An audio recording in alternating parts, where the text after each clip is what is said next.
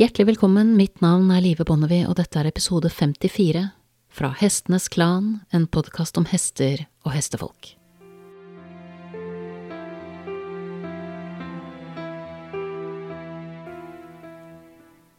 Jeg har noe på hjertet som er komplisert å snakke om fordi jeg står midt i det.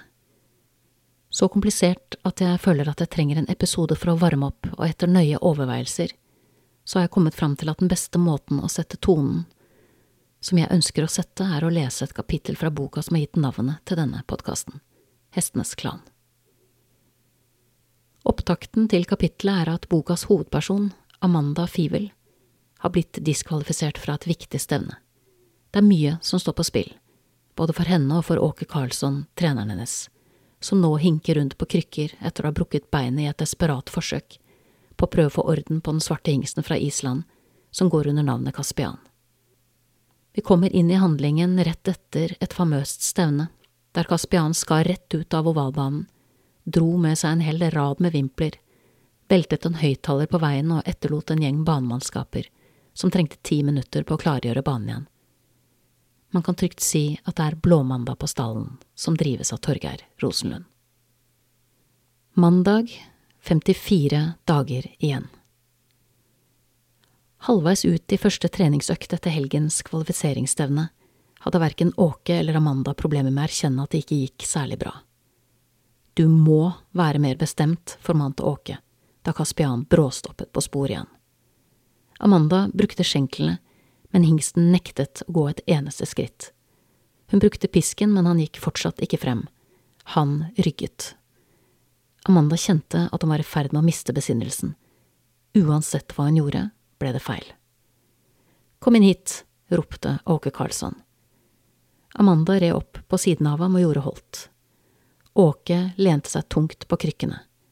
Han var fullstendig fravrøvet sitt vanlige, kraftfulle nærvær. Nettopp derfor var Amanda fullstendig uforberedt da han plutselig slo til Kaspian med krykken så det ga gjenlyd i ridehuset. Kaspian kastet seg frem og raste av gårde. Amanda forsøkte å stoppe ham, men Åke ville det annerledes. Hold galoppen, ropte han. Hold galoppen, for helvete.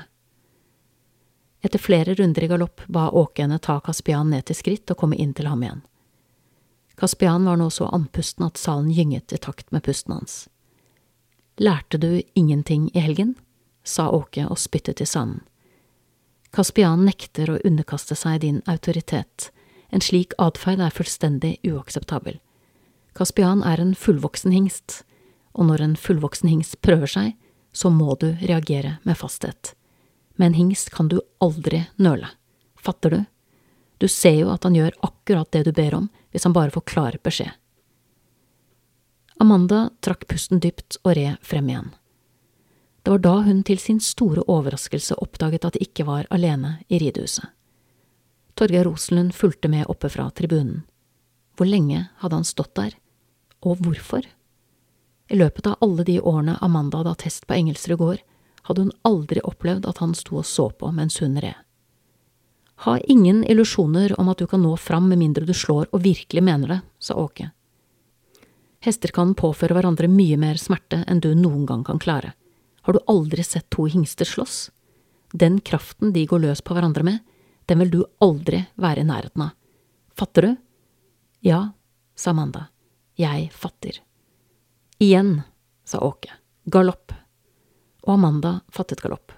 Og da Kaspian nølte, smelte hun til ham med pisken så hardt hun kunne, og han responderte perfekt etter det. Ser du, han tester deg bare, sa Åke. Ikke rart det går dårlig på stevnene dersom ikke du følger med på disse tingene. Amanda tenkte at Åke og faren kanskje hadde hatt rett hele tiden.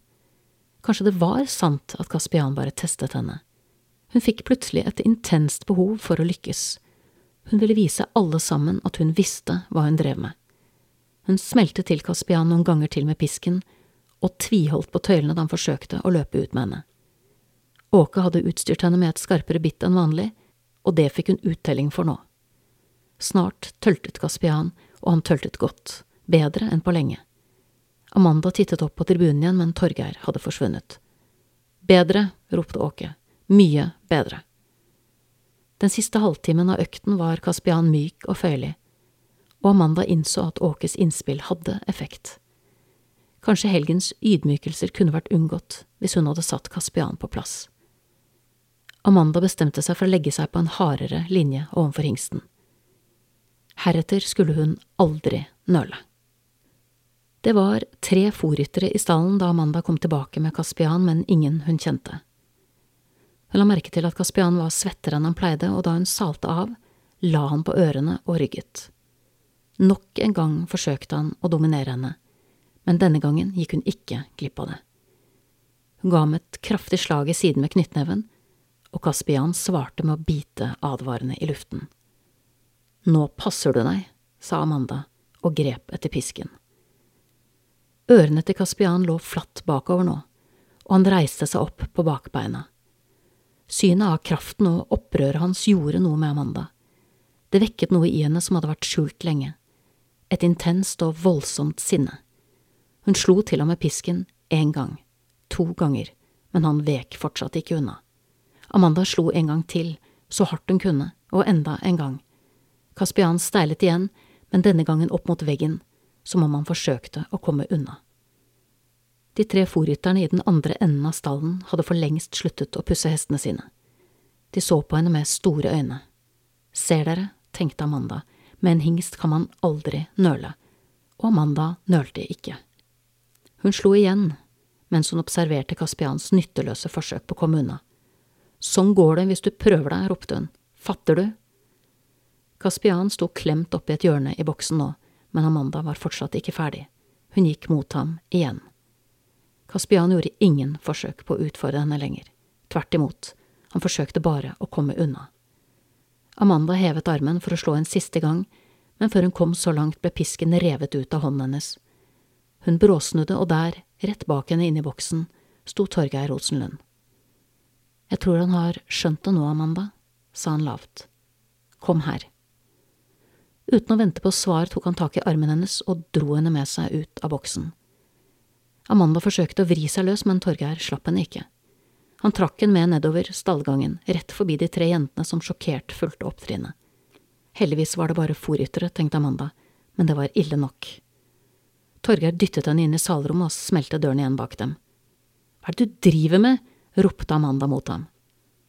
Spørsmålet er vel heller hva du driver med, sa Torgeir. Kaspian utfordret min autoritet, freste Amanda. En sånn atferd er uakseptabel. Det kan diskuteres hvilken atferd som er uakseptabel, sa Torgeir. Jeg finner meg ikke i at du snakker til meg på denne måten, sa Amanda, slipp meg ut. Hun forsøkte å presse seg forbi ham, men Torgeir holdt henne igjen. Han hadde tak i henne hun ikke kom seg ut av, og uten at det kostet ham noe særlig, tvang han henne til å sette seg i sofaen. Slipp meg, ropte Amanda, slipp meg! Jeg slipper deg ikke før du roer deg ned, sa han overraskende mildt.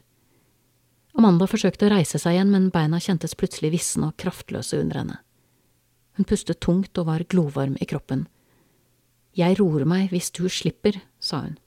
Slipp, Torgeir slapp taket og satte seg ned ved siden av henne. En stund var Amandas tunge pust den eneste lyden mellom dem. Torgeir så ut som han hadde noe på hjertet, men han tenkte seg godt om før han begynte å snakke. Hvis du fysisk straffer en hest i sinne, da har du gått for langt. Skjønner du det? Hester påfører hverandre mye mer smerte enn det jeg kan, sa Amanda trassig. Det er mulig, sa Torgeir men i sitt naturlige miljø vil de alltid ha muligheten til retrett. Den muligheten hadde ikke Kaspian. Du fortsatte å slå ham lenge etter at han hadde gitt seg, og det er uheldig av flere grunner. Amanda prøvde å si noe, men Torgeir var ikke ferdig. For det første utsatte du hesten din for noe han aldri kommer til å glemme. For det andre ødela du en viktig del av grunnlaget for tilliten mellom dere, og den tilliten er du avhengig av. Amanda bet seg i leppen. For meg er ikke Kaspian en sunn hest lenger, fortsatte Torgeir. Det blikket han sender oss når vi håndterer ham i stallen, forteller at han nødig vil ha folk rundt seg. For meg er det et alvorlig signal om at han blir håndtert feil. Når en fullvoksen hingst prøver seg, så må den møtes med fasthet, sa Amanda.